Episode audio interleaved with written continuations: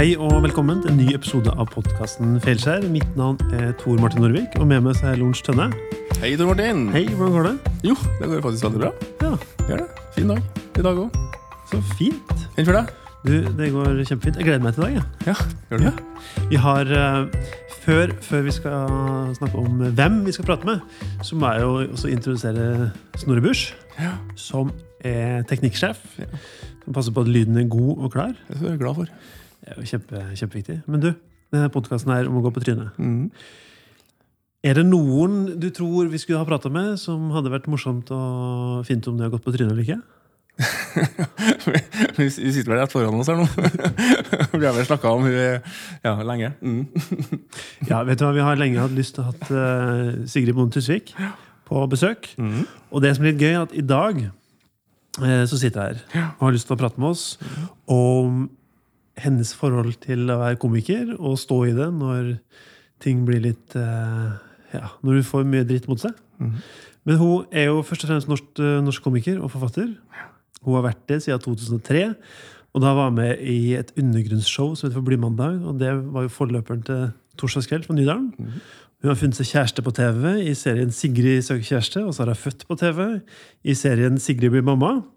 Og så starta han podkast med Lisa Tønne i 2012. Den har du kanskje hørt? Den har, det er jo Norges største eh, podkast. Jeg tror de har nesten ja, De har over en million lyttere i, eh, i måneden. Det er såpass.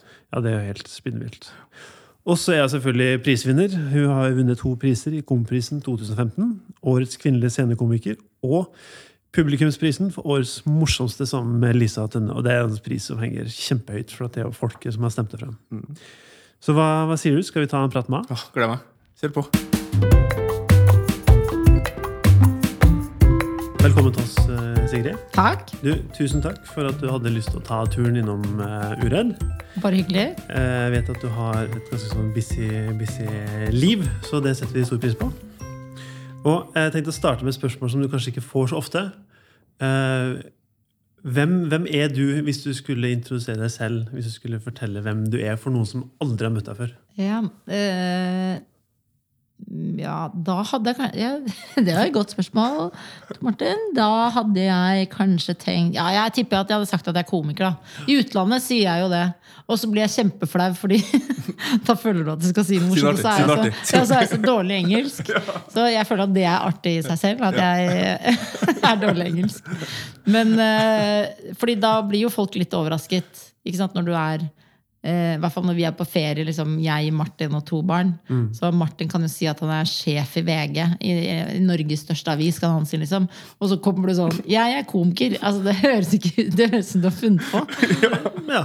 Og så må du si at du er stand-komiker. Og, så- og det vet jo amerikanere i hvert fall mye hva er, da. Men, eh, men så er du liksom fra lille Norge, så det høres jo ut som du er verdens minste fjollete komiker. Er Ikke, jeg skal ikke si at jeg er veldig stor komiker i Norge, men er, de, nesten de fleste kjenner meg jo. Men nå i det siste har jo, kjenner jo ikke kanskje så mange meg som morsom, men sur. Sinna Sigrid. Og det må jeg prøve å gjøre noe med. Det irriterer meg litt. eh, For jeg føler, er liksom, eh, jeg føler ikke det er min feil at jeg er sur. Eh, Så jeg, jeg har satt meg selv i en litt sånn kinkig, eh, et kinkig surhjørne uten å egentlig ville det. Men jeg tror mange som er takknemlige for det. da. Tror du det? Ja, Ok, det er fint at du sier ja det. jeg tror det. altså. Jeg føler at eh, jeg, jeg, jeg føler sånn På Gardermoen så kan jeg tenke sånn nå, Alle menn som ser på meg, tenker bare jævla gnirr... Hva heter det? Sur, sutrekjerring? Nei, si, sinnabiter? Nei. Ja, kan. Sutreknirr. Ja, og grirr. Ja, fordi eh, når jeg googler, googler det, så eh, Du har jo du, du sier jo mye og mener mye. Ja, jeg skriver jo fire Hver, fjerde uke skriver jeg i Dagsavisen. Og det har jeg gjort i eh, kanskje sju-åtte år. Så det er jo noe med det også, at du eh, skal mene noe en gang i måneden. da. Og det eh, Av og til så kan jeg jo treffe deg rett på en abortkamp, liksom. Og da, mener, da kan jo det spre seg helt vanvittig. Eh, eller så mener jeg ja, Og så er det jo mye som skjer i verden, da, som jo er litt sånn skakkjørt nå. Og så virker det som at unge mennesker er opptatt av eh, å kjempe litt, ikke bare Ikke sant? Du kan jo gå for sånn Herregud, hva slags verden er hva, jenter med fillers og Botox? Men jeg liksom er egentlig ikke så opptatt av det, for jeg tror ikke unge mennesker er så opptatt av det. Eh, Det er noen få som liksom er opptatt av fillers og Botox, men resten av, av generasjonen ung alvor, de eh, tror jeg er veldig opptatt av eh, ja, at verden er litt sånn fucka. Og at Donald Trump er president, og Sylvi Listhaug er minister. Liksom. Det, og hun stadig vekk kommer tilbake, og det er masse rasisme ja, og sånn. det, liksom, det er vanskelig å forklare hvorfor det er sånn. Og de får litt sånn, ja, så en spennende ungdomsgenerasjon her nå. ja. Så da føler jeg liksom at jeg skriver for dem, da. Eh, Ikke for liksom mamma og pappa sin generasjon, som kanskje har kjempa sine kamper lenge. Jeg tenker Vi skal prøve å gå sånn, eh, kronologisk til verks. Og husker du eh, når du var lita, husker du hva du skulle bli når du skulle bli stor? Jeg skulle bli eh, forlegger, for pappa var det. Og da trodde jeg at eh, jeg trodde at det var å gå på fjellet. For hver sommer gikk han med masse forfattere og andre forleggere fra andre forlag på sånne breturer og fjellturer. og sånn, Så jeg bare Herregud, for et yrke! Var, han var jo borte kjempelenge, følte jeg, da. Ja. Kanskje en uke. Eh, Så jeg bare, folk, når folk spurte hva skal du bli, jeg bare jeg skal bli forlegger og jeg skal gå på fjellet. Og de bare ok. Og det er en kagge, jeg trodde òg. Gikk. Jeg Gikk først på fjellet, så på forlegger. Det. Det er lurt å gjøre det i den rekkefølgen. Ja, så det trodde jeg jeg skulle bli. Og Ungdomsskolen, nei, så barneskolen var jo I klassen mente de jo at jeg skulle bli politiker. Og på ungdomsskolen trodde jeg kanskje at jeg skulle bli journalist. På videregående trodde jeg at jeg skulle bli skuespiller. Så begynte jeg på Romerike folkehøgskole. Gikk sammen med Else og Henrik og sånn, men jeg gikk også sammen med Pål Sverre Valheim Hagen og Glenn André Kåda og liksom ganske store skuespillere. Ja. Som da førte til at jeg skjønte at jeg ikke var skuespiller. For da ble du komiker, da. ja, Da var vi jo en hel bunch med Else og Henrik og jeg og Andreas Lagesen, som også var med i Blymandag etter hvert. Eh, Vi var da på en måte en sånn eh, tøysegjeng istedenfor, da. Og på Så det var på Romerike du møtte den gruppa? Ja, ja. ikke Odd- Odda de eh, møtte jeg da litt seinere. ja. Eh, ja, på Vest, ja, Odda er jo fra Nordstrand, og Dikken, som da du Tor Martin har gått i klasse med. Alle disse har vi Men de, de gikk jo i klasse Du, du gikk jo i gjøgleklassen. Ja, jeg gjorde det. Fordi Gikk du klassen over eller to over? Ett år i For du snakker jo Westerdals, ikke sant? Ja. for du er sant. På, Ja. ja. Jeg gikk jo klassen under, eh, under Sigrid, og jeg husker jo det når jeg kommer fra Trøndelag til en klasse som er så glad i å stå og presentere. Og de er så gode på det. Mm. Så det vil jo si at hver gang, hver fredag hvor det var presentasjon, så var det egentlig ett fett hvilken idé de hadde. Det var bare det at de skulle stå der og, og prate foran Og alle var gode. Siri Kristiansen og tvillingene, som ikke er noe kjente, på en måte, men de var jo også gode og drev med standup. Altså, klassen deres var jo et eh, standup-prosjekt, vil jeg si. ja, riktig. Det var det. Mens klassen vår, vi var eh, ja, altså, Nei, det var tekst og AD. Du er okay. 60 stykker i klassen, og det var litt forskjellig. Julie Andem eh, var vel på AD, Else var på AD. Du var på AD. Ja, AD, ja. Og da, eh, jeg tenker at vi i klassen vår da, Jeg har i hvert fall hørt rykter om det, at på Westerdals i gamle dager i hvert fall, så satte man sammen klasser ut ifra litt sånn eksperimentell måte å gjøre det på. Klassen til Tor Martin er satt sammen for at folk skal like hverandre. Fordi klassen vår, som da er året før, vi ble satt sammen på forskjeller. Vi var Iram Haak og Alexander Gjersje og mange liksom ekstremt sterke personligheter, men veldig enkeltindivider. Og eh, med egentlig helt vidt forskjellige tanker om hva vi skulle bli, som gjorde at den klassen vår ikke hadde noe samhold. Og så kommer klassen deres og er jo faen meg på hyttetur hver jævla helg. Jeg var jo så irritert på dere der Lyngør-turene deres. Ja, Dere var på turer hele tida. ja nei, det, var, det var egentlig en veldig koselig klasse. også. Westerdals var jo egentlig en veldig hyggelig, koselig tid. For klassen til Gir, ja. Gir en klasse, ja. Ja. Men uh, hvordan, eh, hvordan starta det med Blymandager? Hva Blymandag startet da egentlig at Henrik har studert litt vidt på Blindern og har begynt med en sånn eh, Blymandag-gruppe som to andre jenter, eh, Benedicte eh, også en annen, eh, lagde. På betong på Chateau Neuf. Og så eh, tar vi over, liksom, egentlig, da jeg, Henrik og da Andreas Lagesen fra Romerike folkeskole. Vemund Vik, som nå er regissør for veldig mange sånne ting på Latter. Og eh, så etter hvert kommer og, ja, og Benedicte Wesselholz, altså Dickens, som vi kjenner henne som. Så kommer eh, Martin Beyer inn, så kommer Else inn, Odda inn og Morten Ramm inn. Så, men Henrik og jeg var kanskje helt fra starten av, da. Og det var, var ditt første møte med liksom stå på en scene? Uh, nei, jeg hadde jo drevet med skolerevy og sånn på Fagborg på videregående. Og Ja. også på Romerike drev vi bare med det hele tida. Så det var ikke noe sånn mm, Blymandag var helt unikt, fordi der plutselig lagde vi jo showet annenhver uke. Så du eh, Annenhver mandag. Så det var jo Du måtte bare lage nye sketsjer. Liksom, du øvde deg på bare stunte på, da. Ja. Og så gikk ikke den eh, sketsjen bra, så bare måtte du liksom videre. Og det var jo ofte bare studenter. Ølen kostet 25 kroner, så det var liksom ikke for å Folk var der ikke egentlig akkurat for ditt show heller. Så det var om å gjøre å på en måte kreve oppmerksomhet fra det publikummet på en mandag klokka ni, liksom. Men det er jo liksom sånn SNL, egentlig, å prøve å være helt aktuell. og Ja, Sjuk utfordring, og helt om å det generere er nytt stoff. kjempesmart.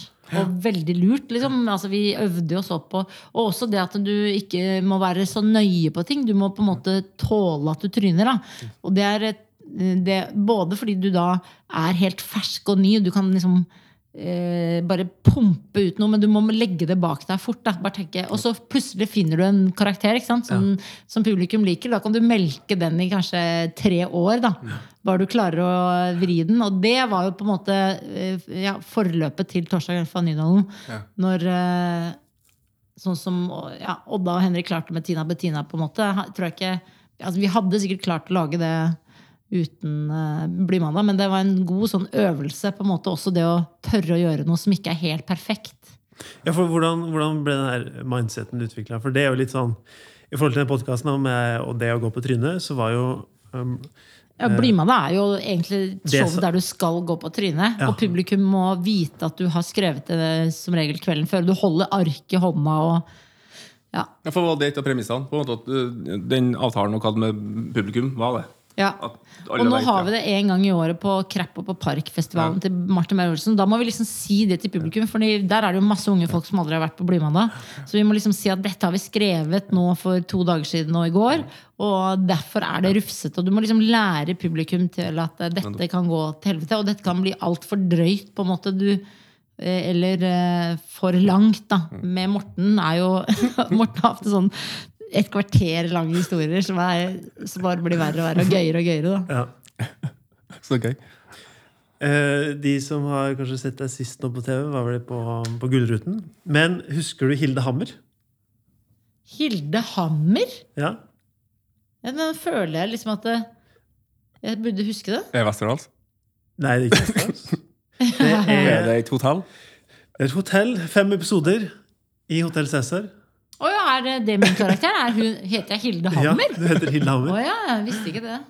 Altså, Jeg fikk jo Benedicte-rollen i Hotell Cæsar, var på audition, men så sa eh, mamma og pappa og kjæresten min som jeg hadde da, hans, de sa du bør ikke jobbe i Hotell Cæsar.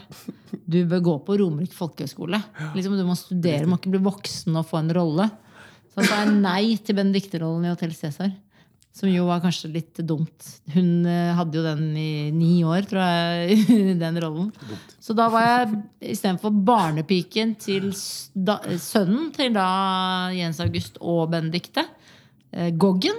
Ja, var barnepiken til Goggen. Og det jo, da jobbet jeg vel der i én eller to uker, og det er jo bare én innspillingsdag. Da, så du er jo bare innom én dag på settet, men så er du jo da Og så går det et år, og så kom du da på TV og var der i to uker, og det var jo helt episk. Altså, det var så gøy. Jeg lå med Jens August, og altså, det var veldig, og kjempedårlig spilt. Og det er jo, altså, sånn syns jeg er kjempegøy. Jeg har ikke noe vanskelighet med å le av meg selv eh, på sånne ting. Det klippet var jo fint. Du ligger med altså, August? For det, Ja, det, er, ja. det er ikke så seksuelt tennbart, men eh, komisk er det. Men eh, har du liksom alltid likt å opptre? Er det, behagelig for deg å stå på en scene? Ja. Det er ganske behagelig. Der, eh, jeg føler ikke meg Jeg kan føle meg litt sånn utrygg og nervøs og skjelven og arket skjelver og sånn, så jeg pleier å liksom lime opp ark på papp og sånn, sånn ikke For du blir veldig nervøs av å se arket ditt skjelve. Så du må alltid lime ting på papp. Det bør eh, ethvert menneske gjøre. Uansett hvor. Til og med Petter Stordalen tipper jeg limer ting på papp. Selv om han også elsker å stå på en scene. Men jeg tror at eh, Ja, jeg føler at jeg alltid har vært eh, trygg på en scene. Det er fordi at jeg gikk på noe som het Suttung, som var da en sånn bevegelse der du skulle deklamere dikt fra Henrik Wergeland og Henrik Ibsen da vi var små. Så var det det eneste teatertilbudet i Oslo, i hvert fall der hvor vi bodde, på Ekeberg.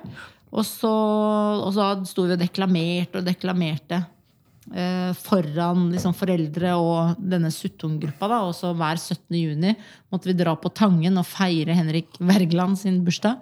Eh, og dra til da hun som eh, Hva heter det? Stiftet denne bevegelsen, Ingeborg Efling Hagen, til graven hennes. Så, altså, det, nest, det ser nesten ut som en sånn Amish-sekt, men det er ikke det. Det er liksom en eh, der, men der lærte, ikke sant, når du står fem år gammel og deklamerer Bukkerittet og hele Ibsen og Terje Vigen Du kan liksom alle versene. Og du, altså du, det er veldig lurt å øve et barn til det. Sånn at, eh, ikke sant, Når barnehagen da bare sånn Kan du ta den sangen? Så bare gjorde jeg det. liksom. Altså, Ja, du var bare, var helt ja, fordi du, det var ikke noe vanske, var ikke noe å være redd for, fordi jeg hadde gjort det helt siden jeg var fem. Så da tror jeg du kanskje tør å gjøre det uten at du tenker over konsekvensene. Ja.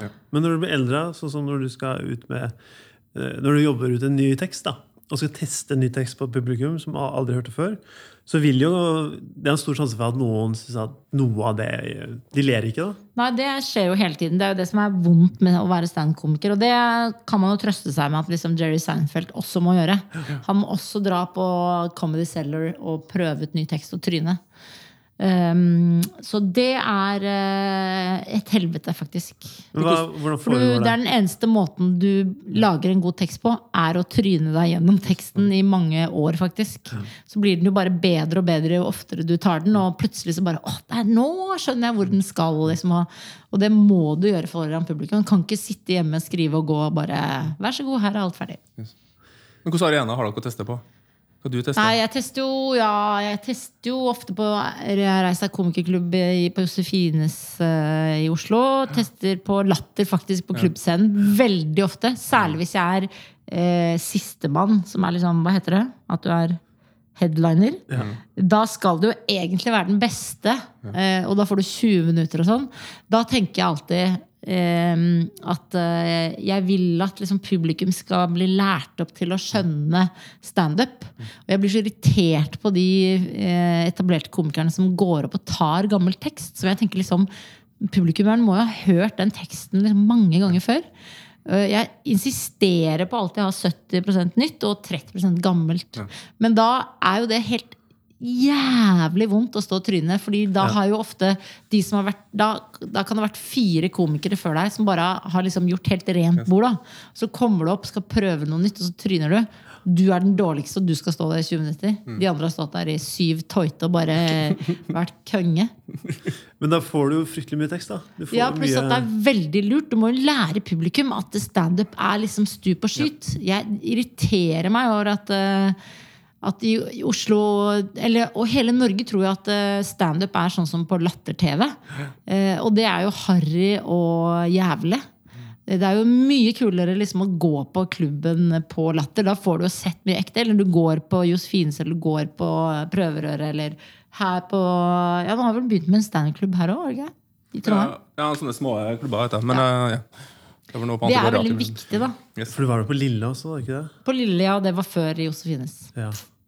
Jeg husker det, men jeg husker også det du sier med at hvis du, eh, hvis du dro dit hver uke eller ofte nok, da, så hører du egentlig mye av de samme mm. tekstene. Og da er det, det blir jo fort litt kjedelig. Ja. Så det er veldig fint at man fokuserer på å utfordre selv. ja, det er det. Det er veldig lurt. eh, Og særlig som etablert komiker sant, så blir du redd for å tryne. Så du bare eh, tar ti år gammel tekst. Og det er ikke bra. Men jeg er jo veldig streng på det, da. Jeg burde selvfølgelig vært litt smartere. Jeg hadde sikkert vært en mye større komiker hvis jeg ikke var sånn. Gjort det lettere for deg selv. Ja. Husker du første gangen når du liksom tryna skikkelig? av? Uh, nei, jeg tryner jo den dag i dag hele tiden. Jeg, jeg er ekstremt god på å tryne, faktisk. Veldig mye. Men Fordi jeg tenker at eh, jeg må gjøre det, liksom. Jeg får helt sånn, jeg tenker eh, Det er ikke ekte hvis ikke du har bomma litt. Nei. Men når du er ferdig går av scenen, da? Jeg kan være ekstremt misfornøyd. fornøyd. Hva er du misfornøyd med, da? Respons, Nei. eller at ikke du blir bare Jeg surrer jo veldig mye. Jeg surrer og jeg klarer ikke å stå i punchen. Hvis det er en punch, liksom, så begynner jeg å fade den ut og sier noe. ting, Thomas Giertsen sa alltid det til meg. Du er set up punch, fade out. Det må du, liksom, du må slutte å fade ut vitsene dine. Riktig. Mens jeg liker den der vimsete stilen. Han, øh, han øh, skotten Hva heter han igjen. Ja, han han som er transestitt. Han er jo veldig vims. En, Nei, i eh, alle dager, da. Oh. Jeg var jo akkurat så han. Ja, en uh... Han er fra England. Ja. Han, Han er ikke skotte. Ed-. Izzard. Ed Izzard, ja. Han Han er ikke skotte. Nei, engelsk, engelskmenn. Tenk at jeg sa at han var skotte. Ja, og det er du satt ut med. Det er fordi han går i skjørt. Yes! Jeg gjør det sko. Da tenker du skjørt, Yes, tenker du skotte. Yes. Det er hans sin feil. Men føler du, Blir du mer dagsaktuell med at du vimser, eller at du har hele tida 30-70 nytt? følge? Ja, jeg føler at det Ja. Jeg liker det veldig godt. Så det å, ja, så det å tørre å teste grensene og ikke være så redd for å feile, gjør at du blir mer dagsaktuell? òg, da.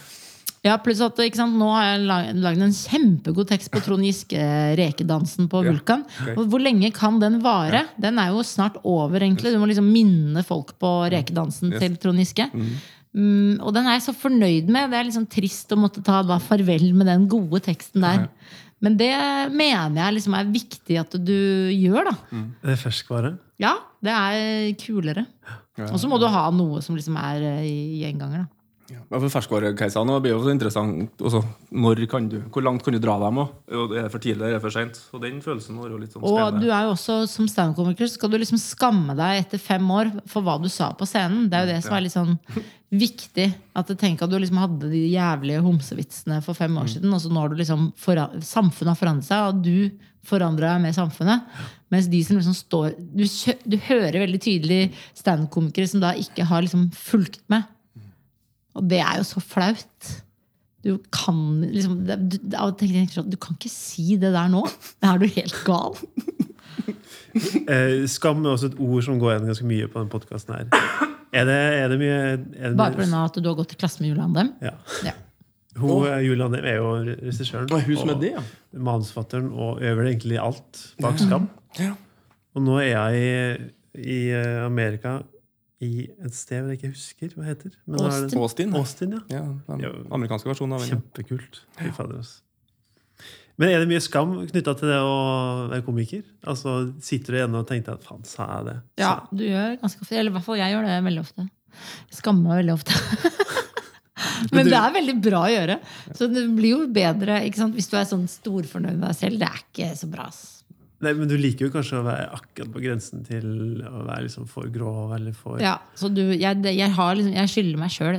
Altså, du kan ikke liksom klage når du Jeg kunne jo bare rydda opp. ikke sant? Bare skrevet det. Sittet hjemme, jobba, ding, ding, ding.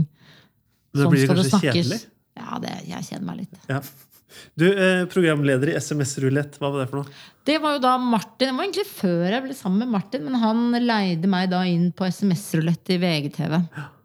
Som da De hadde vel sett det et eller annet sted ja, på YouTube, og så skulle VGTV lage SMS-er. Det var jo veldig gøy, men vi serverte alkohol, og det var jævlig dumt. For da blir folk så modige at du liksom kan ringe mora di og si 'nå tar jeg livet av meg'. Og de, eller du kan SMS-e da og bare si 'jeg tar reperen'. Ja, du kan sende til 100, stemmer. Og flere folk. 100 venner, og de driter i det. For da har de drukket omtrent en kasse øl til slutt. Da, for du sitter der jo mange timer. Du må jo sitte og vente på svar, og så sender du liksom til Så var jo det veldig sånn prøverunde første runde. Så du vi prøve altså vi, Det var jo første gang vi prøvde det med store kjendiser. Med sånn Linni Meister og sånn. ikke sant? Hun hun har sikkert sendt såpass mye ræl i livet sitt at liksom, det er ingen som blir sjokkert Nei. at de får en sånn psyko melding fra Line Meister. Fordi det er de vant til å gjøre. Stemmer. Ja, for da, ja, stemmer. Mange som satt under bord, og så sendte du melding at den, Og så kunne Ja, du trekke denne meldingen, Ja. og så kunne du trekke deg. Det var ingen som trakk seg. Stemmer. Folk ble tørst og drakk mer og mer. Ja, ja. ja. Så det var fryktelig dumt. Vi lagde jo andre sesong, da var vi litt strengere. Men også da gikk det liksom eh, ikke så bra, fordi folk trekker seg ikke. Men, og så eh, fant jeg kjæreste på TV.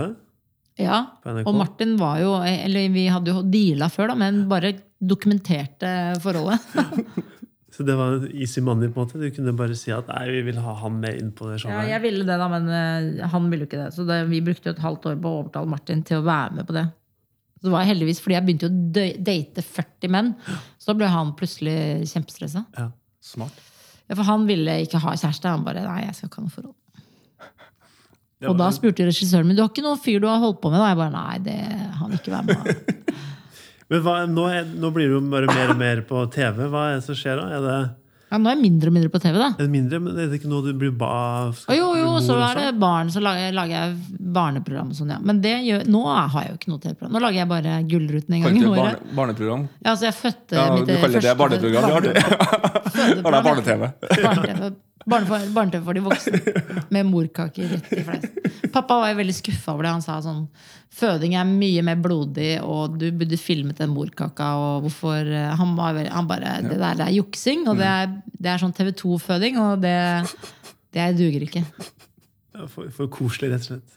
Men Jeg har jo liksom merket den uh, tapen eh, Fordi det er viktig at da hver gang jeg blir omtalt for eksempel på God kveld Norge, så viser de ofte det klippet, fødeklippet. Så jeg har merket den liksom med at det ikke er lov å vise det klippet. Da, for jeg har lovet Martin at han skal slippe å se den fødingen.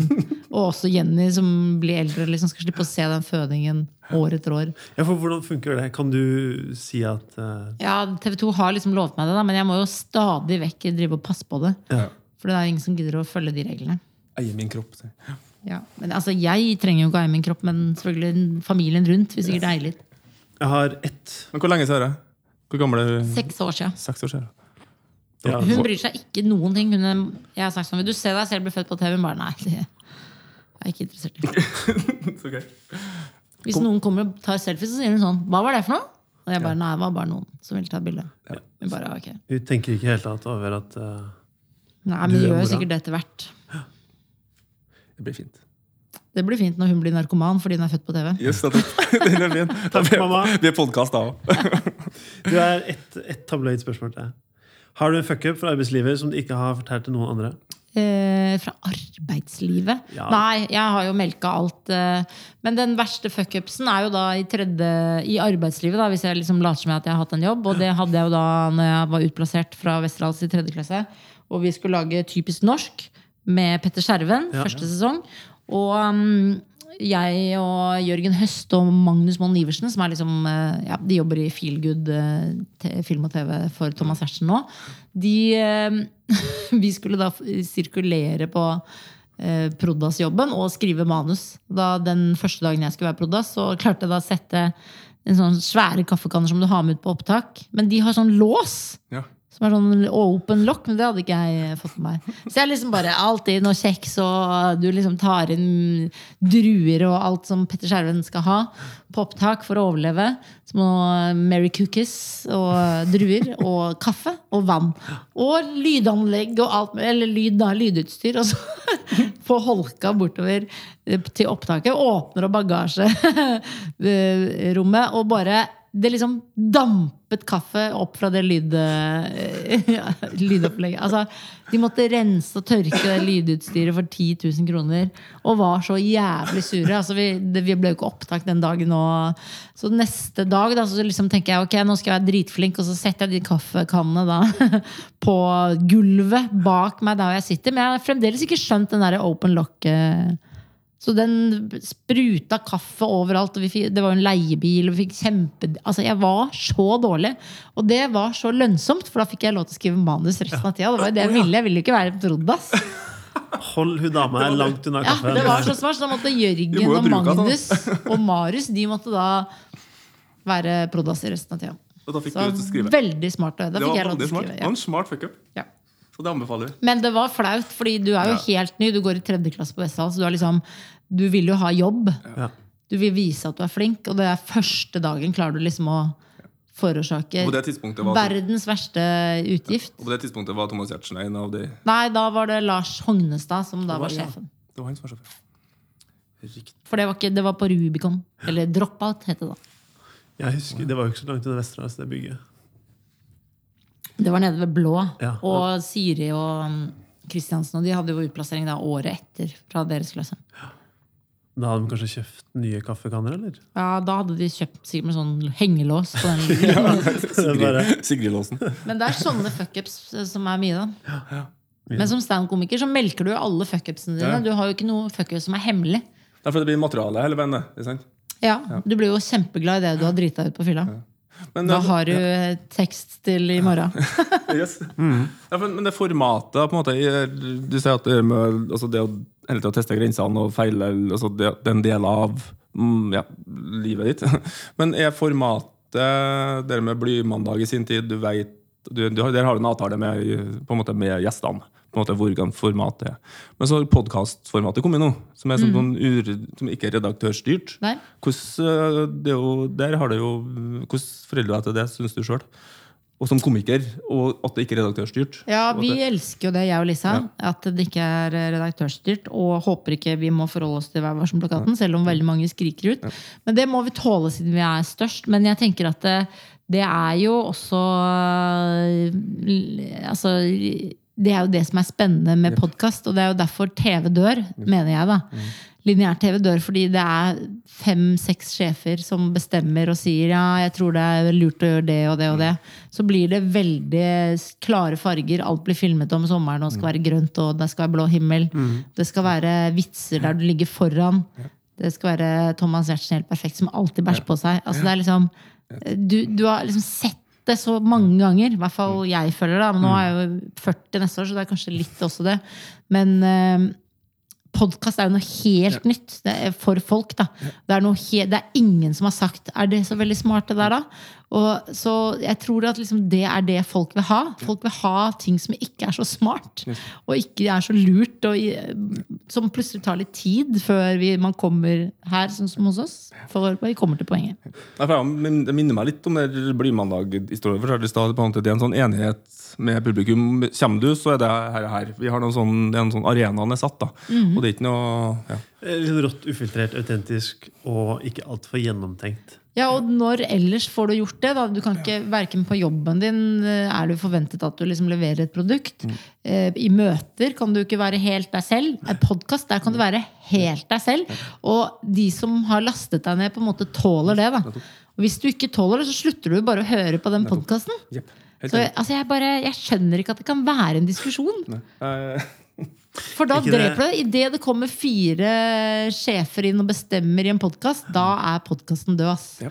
Jeg tror Ricky Gervais har en, er elendig på å gjenfortelle vitser. Jeg tar livet av poenget. Men han, Ricky Gervais har en vits at hvis du går til et torg, og så går du på oppslagstavle, og så står det at eh, 'jeg vil gjerne lære deg bort eh, gitarkurs'.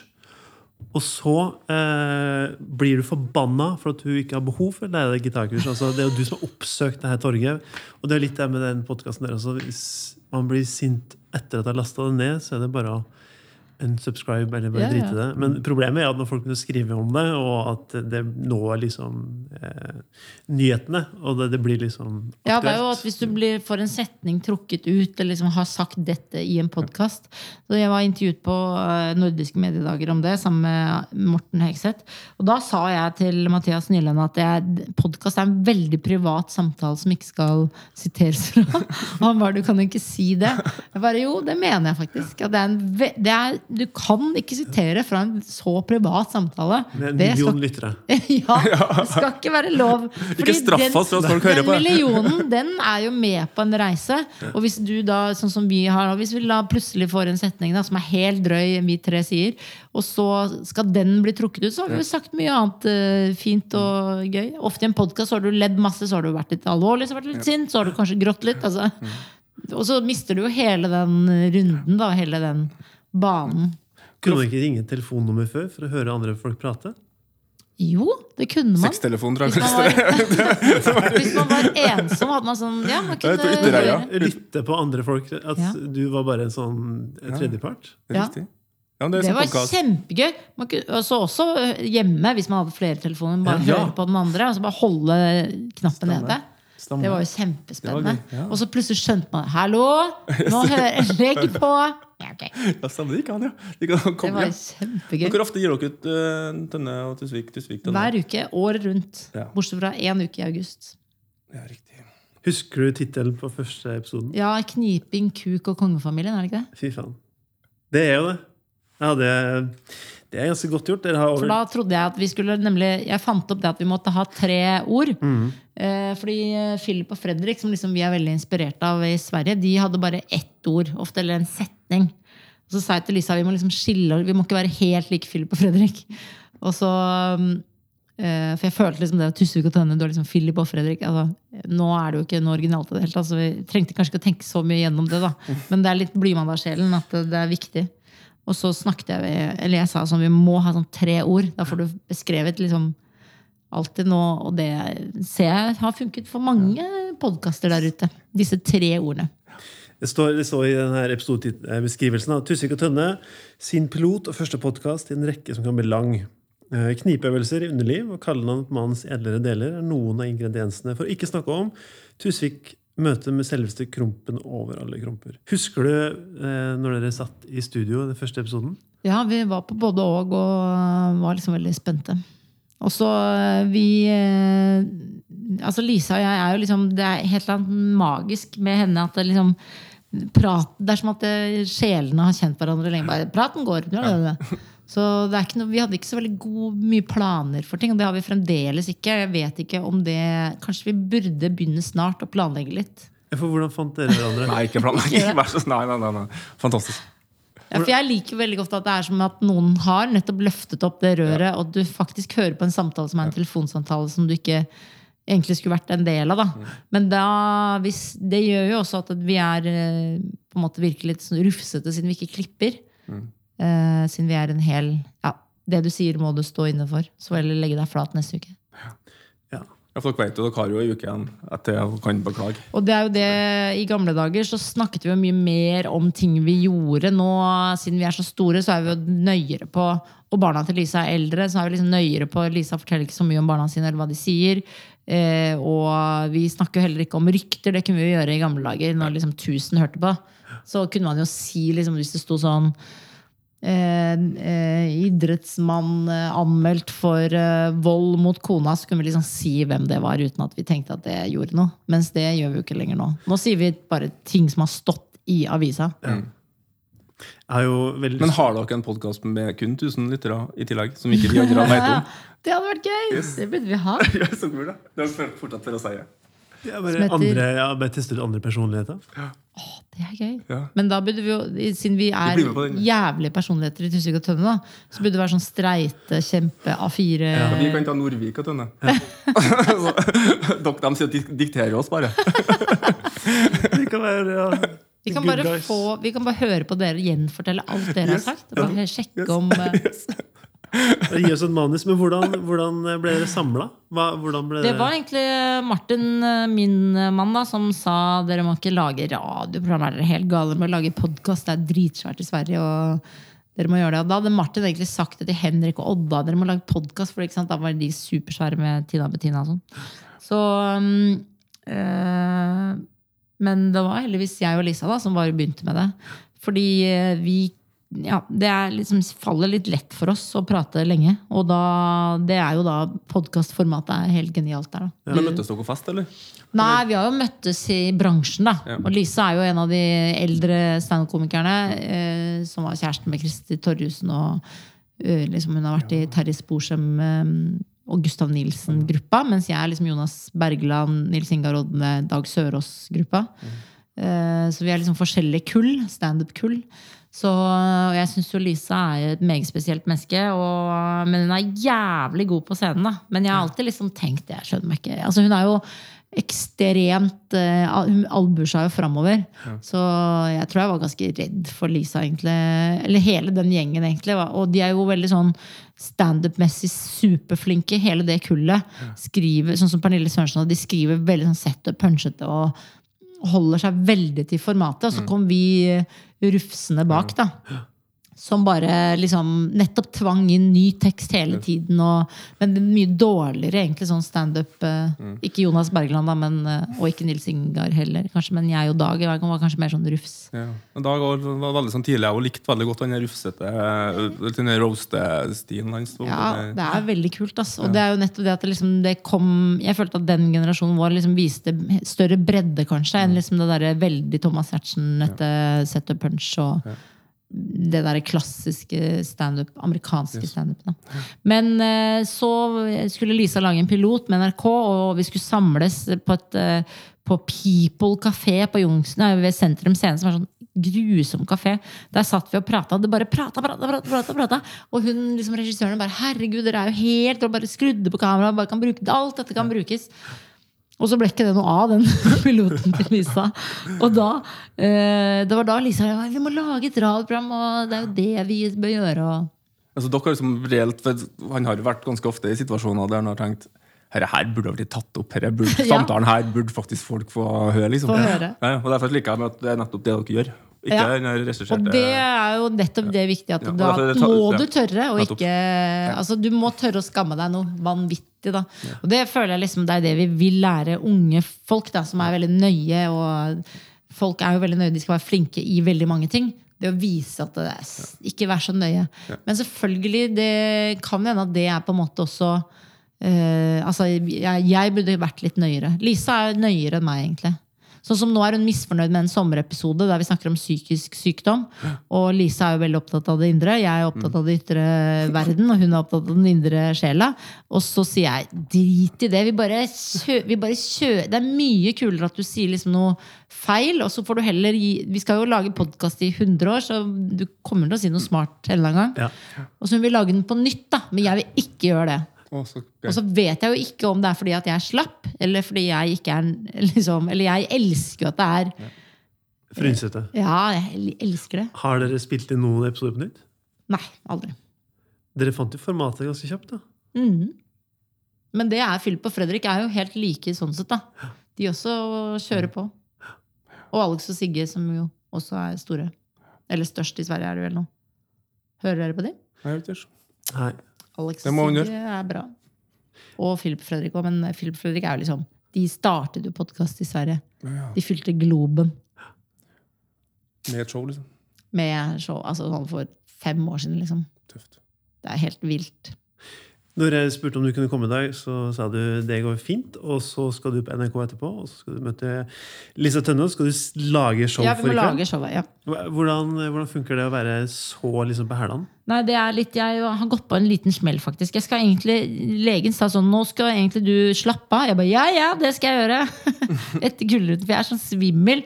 Jeg er skral. Jeg har gått på en sånn frilansersmell.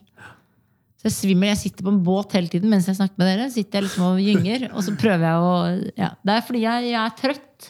Og så sier jeg til folk at det er man jo når man er småbarnsforelder. Men så glemte jeg at vi frilansere er jo litt ja, dårlige på å si nei.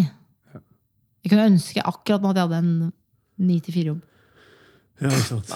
Hvor lang Nei, det hadde jeg ikke. Kanskje bare en måned, Ja, da. ja, ja. Prøve en stund. Ja, Men ok, hvis, hvis du måtte ta en 9-4-jobb, da, hva hadde du jobba med? Da hadde jeg kanskje jobba i um, ja, Jeg hadde vel kanskje søkt meg kanskje mot liksom, journalistikk, da. Men da må du jo ha gått på Journalisthøgskolen, føler jeg. Men Det er jo en standup-komiker som blir president i Ukraina nå. det er faen meg sant. Ja, ja. Så det er bare å kjøre på.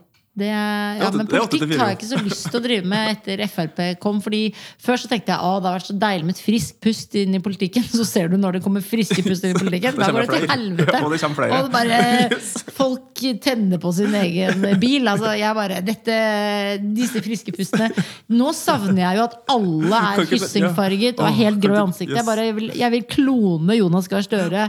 Sånn at han er i alle partier, og du hater politikk og syns det er det dølleste du vet om. Det savner jeg nå. Kan ikke noen bare forklare at bompenger er en del av et system? Ja, bare, det, er jo ikke, det er jo ikke ondskap satt i system. Det, bompenger er du skal ha fin vei å kjøre på, men ja. Ja.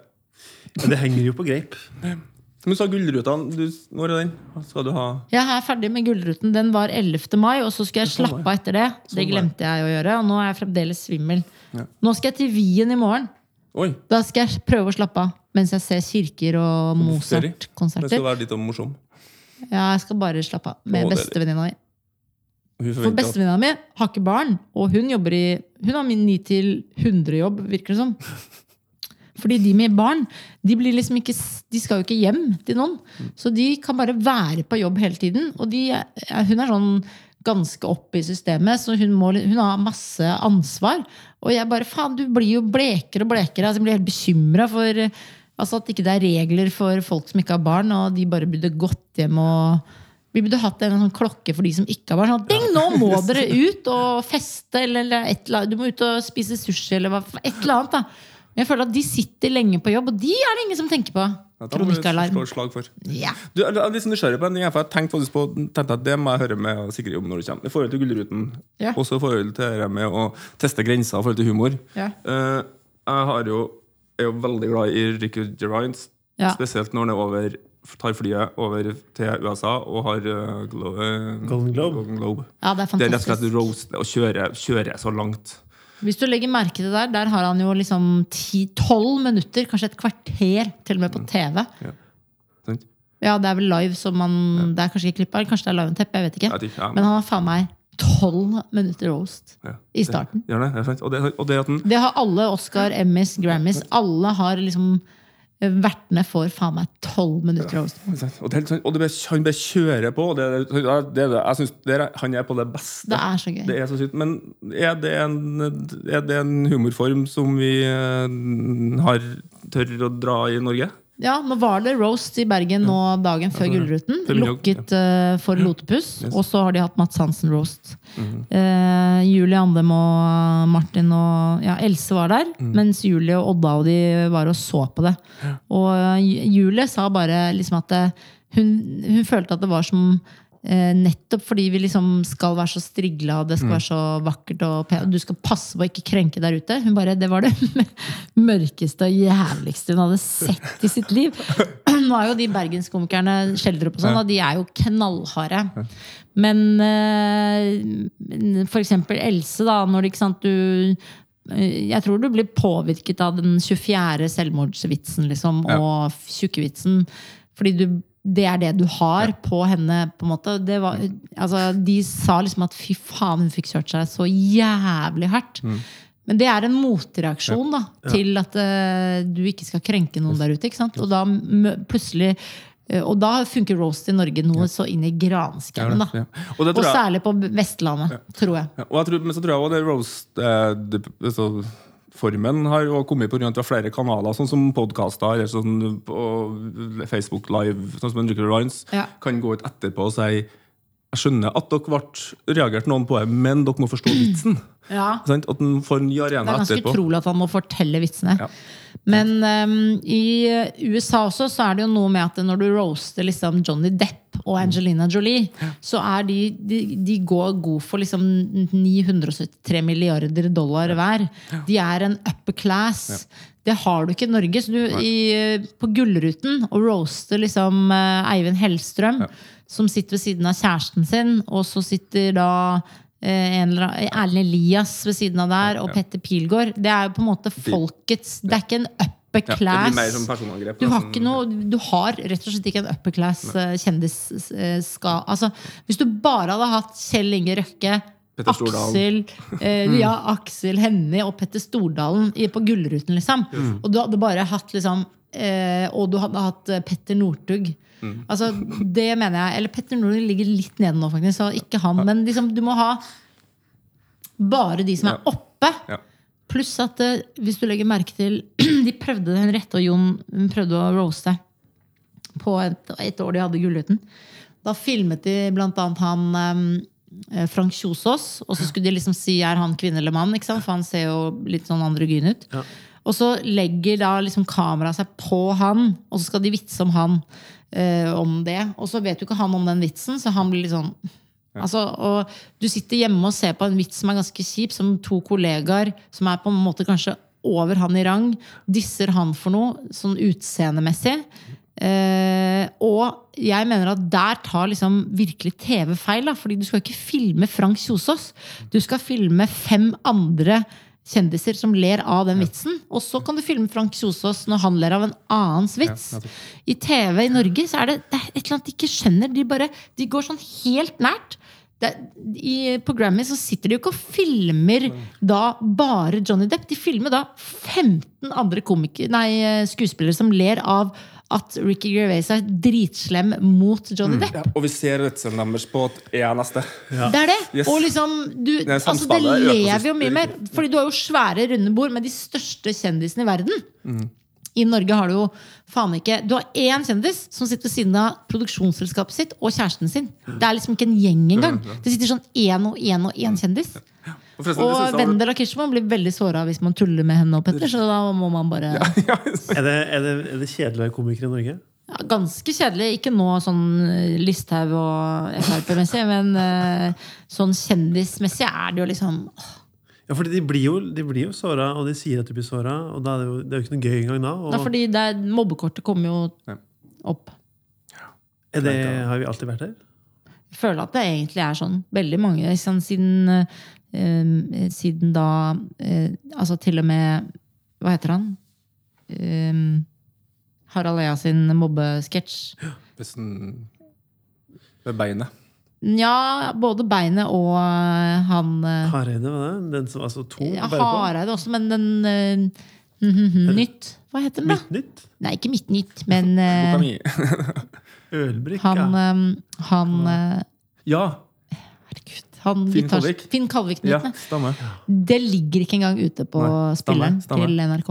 Altså, De legger ikke ut Finn Kalvik-nyhetene fordi han føler seg mobbet. Og det var jo ikke mobbing. Han, Folk husker jo- Han kom jo inn på scenen nå. Han var jo med en gang. da. Folk husker jo ikke det, og jeg skjønner ikke at han kan Det var jo alltid at du ikke kom til hva som handlet om Finn Kalvik. Det kan da umulig være mobbing, men selvfølgelig, jeg skal ikke påstå Jeg blir ofte dratt fra som erkemobber i Norges Hjem må Jeg skal Ja, holde helt ja, kjeft. stemmer det blir det. Jeg blir veldig ofte Det er veldig mange som påstår at jeg mobber. Ja. Det er noen av oss som ikke oppfatter at du er det.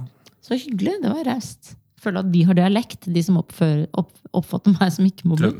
Østla, Østlandet føler at jeg mobber. De har ikke humor.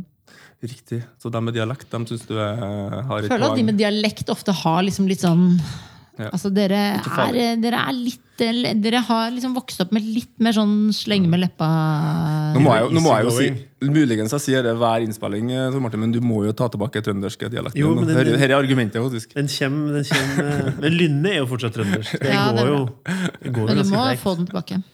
Men du, eh, hva er Hvorfor som, sluttet du? vet du hva? Følte Eh, Når jeg kom ned til Oslo, det var ingen som skjønte hva jeg sa. Er det sant? For faren min i, på, på Ytra det er en veldig sånn mumlete nordtrøndersk dialekt. Fra øy. Tore Hauknes eh, mumler jo og mumla jo hele ja, han, tre år. Mens han du var tydeligere. Mens- Er det sant? Ja. Du vet ikke hvem Tore Hauknes er, kanskje? Nei. Men uh, Han jobber i TV-bransjen nå, men altså, han mumler mye. ja det kalte du det? er kanskje sant, det. Tore? Ja. Tore Hauknes mumler og mumler. Hvor er han fra igjen? Er det fra Stjørdal, kanskje? Nei, han er fra en bitte liten øy. Men det er jo sånn som Morten Hegseth også. Han er jo, han er jo lagt over. Ja, Han er jo fra Stjørdal. ja det er ikke bra. Og må kjøre dialekt. Du, eh, hvorfor, hvorfor gidder du å være så ærlig og ufiltrert når du bor i Norge? Hvor det er så mye jantelov, og du får så mye dritt tilbake. Ja, det er sant.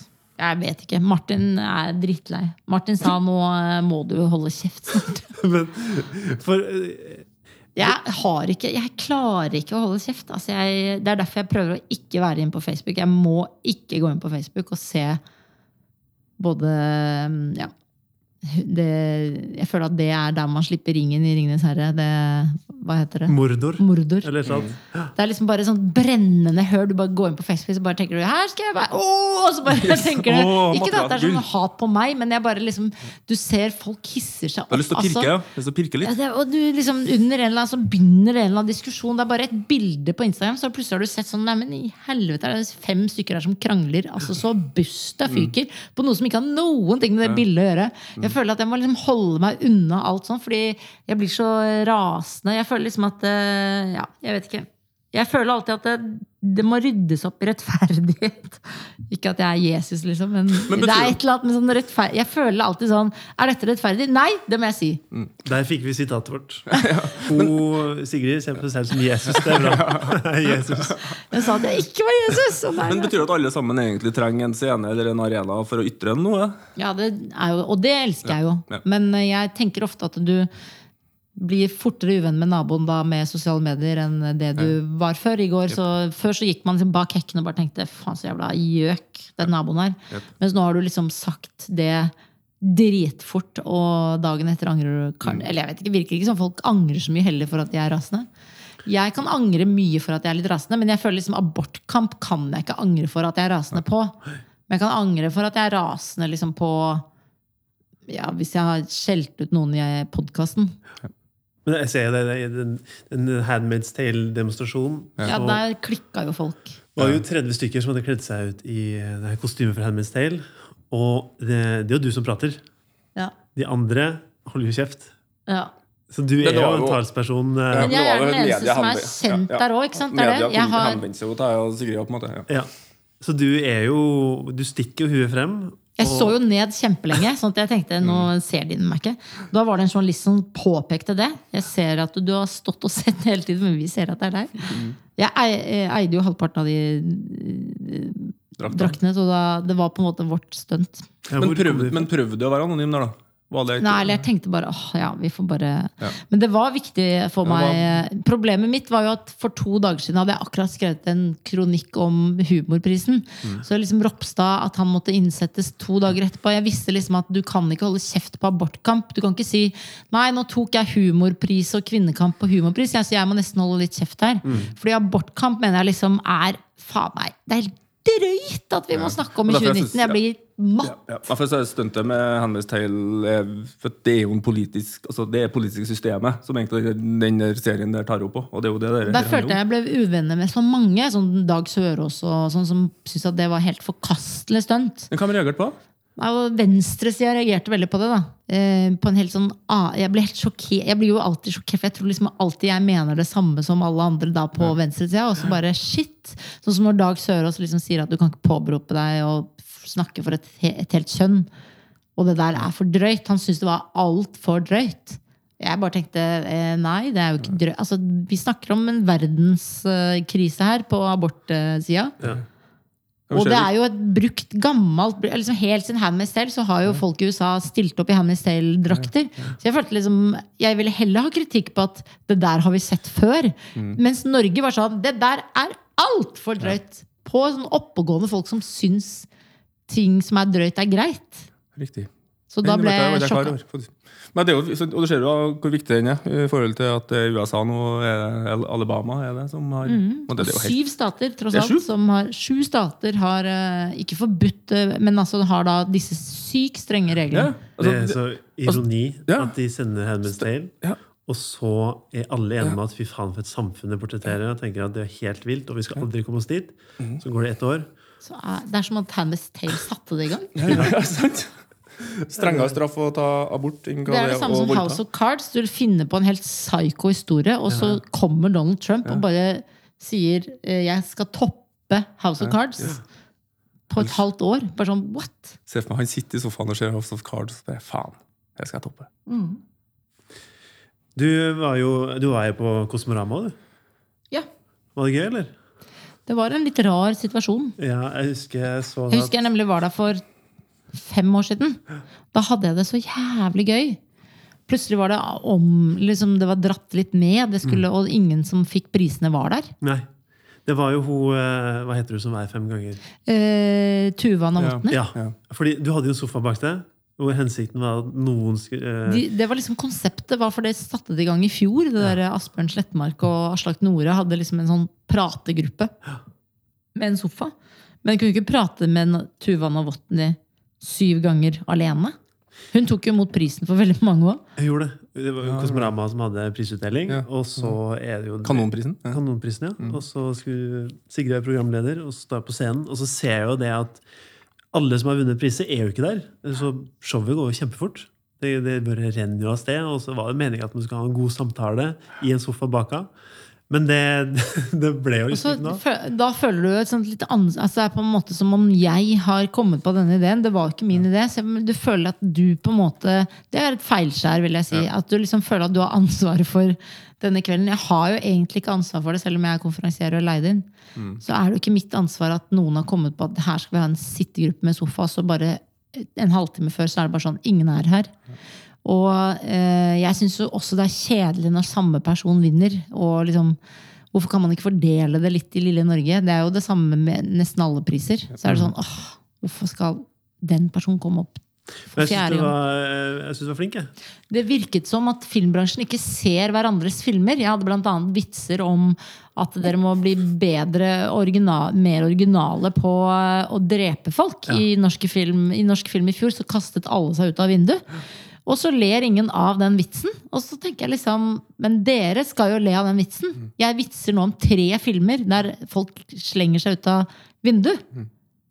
Og, da, den, eh, og så tenkte jeg å ja, kanskje de liksom ikke tåler å vitse om selvmord. Men det er, jeg mener at det er god altså, Det var ikke så god vits, men det er en det er, Innafor. ja, eller er, i hvert fall jeg påpeker en tendens, og de burde tenke jeg er enig. Men lager du da vitser ut ifra det forventa kunnskapsnivået til publikum? Der, da? Ja. ja. Fint. Ja, det må Det jo burde være. aldri ha gjort. Nei, Fordi de sant. hadde ikke sett hverandres Nei, filmer. Faen, er dere dum, eller? Er ikke det litt rart? De, liksom, de jobber i filmbransjen, de må se hverandres filmer. Jeg prøver å se andre komikere. Han leser bare bøker, da. Det var et lite Nå må vi snart gå. Ja, faen, du skal jo bort, du. Ja, hva er klokka? Den er fem, Fem på to? Oi, shit. Det sitter et Eh, menneske og venter på Sigrid nå. Å, -oh. Ja, jeg har uh, et lite spørsmål. Og det er en sånn avskjedsgave som vi har. Og det er jo egentlig hva jeg som har gjort deg glad siste uka. Har Gjort meg glad siste uka. Ja. Vi har, uh, vi har en sånn eh, Vi avslutter gjerne podkasten Vi er bare med to dager ut i uka, da. Siste, Men syv dager. Siste, ja, siste syv dagene. Ja. Er det noe som du tenker bare Fy fader, det der Det var fint. Det var gøy. Nå må jeg tenke hva jeg har gjort den siste uka. Eh, Jeg var jo veldig sur i helgen. Ja. Så jeg var jo ikke noe blid Jo, jeg var Den siste uka var jeg sammen med de gamle Westerdals-venninnene mine. I min klasse. Eh, så du kjenner ikke disse jentene. Men, eh, så da eh, Vi hadde det kjempekoselig. Vi dro hjem til Annelise i eh, hennes leilighet. Som har sånn, hun har sånn Berlin-leilighet. Som er sånn du, liksom, Det fins ikke sånne leiligheter i Oslo, føler jeg. liksom Mens hennes leilighet er sånn. Det er helt sånn merkelig pusset opp og rar og kringlete og kroklete og rar. Kjempesvær på Majorstua, liksom. Og rufs. Det er sykt rufs, liksom. Så det, du, du, men det blir en så god atmosfære. Det var som at liksom, vi faktisk dro til Berlin.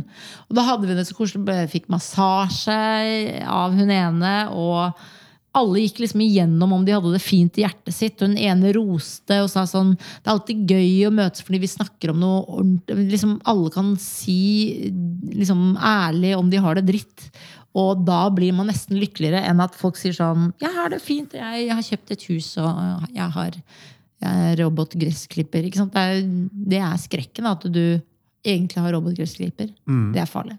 Da er det rett før du blir skilt, tror jeg. Hvis du har fått deg robotgressklipper. Jeg beviser på det. Har dere det? Ja, du hadde det, og så ble du skilt? Jeg har Er og ble skilt? Ja, du- Faen at ikke jeg fikk snakka med deg før, da. Jeg burde fortalt deg det. Jeg tror at det er liksom For, da, det er et, det for det første er det veldig dyrt. Ja, ja. Og så tror jeg liksom at du Helvete.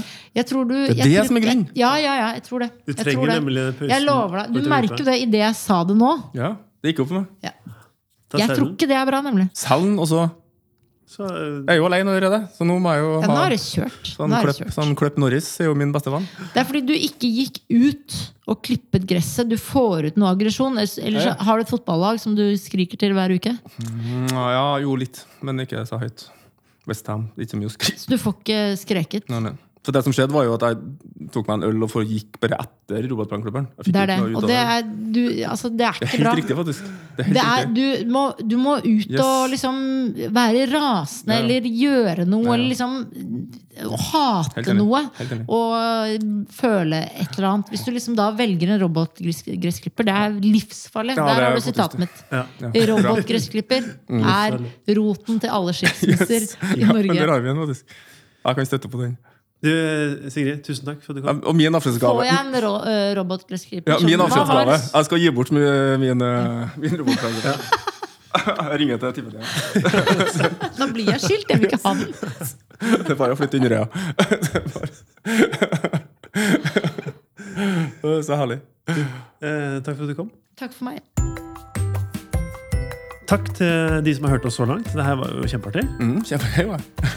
Har du en historie som du har lyst til å dele med oss, så ta og send oss en mail på feilskjær.uredd.no, så skal vi få historien din ut og frem i lyset. Trykk subscribe, så får du den her, eh, så slipper du å drive laste ned manuelt. Og gi oss gjerne noen stjerner der du hører podkast hvis du syns det er gøy å høre på.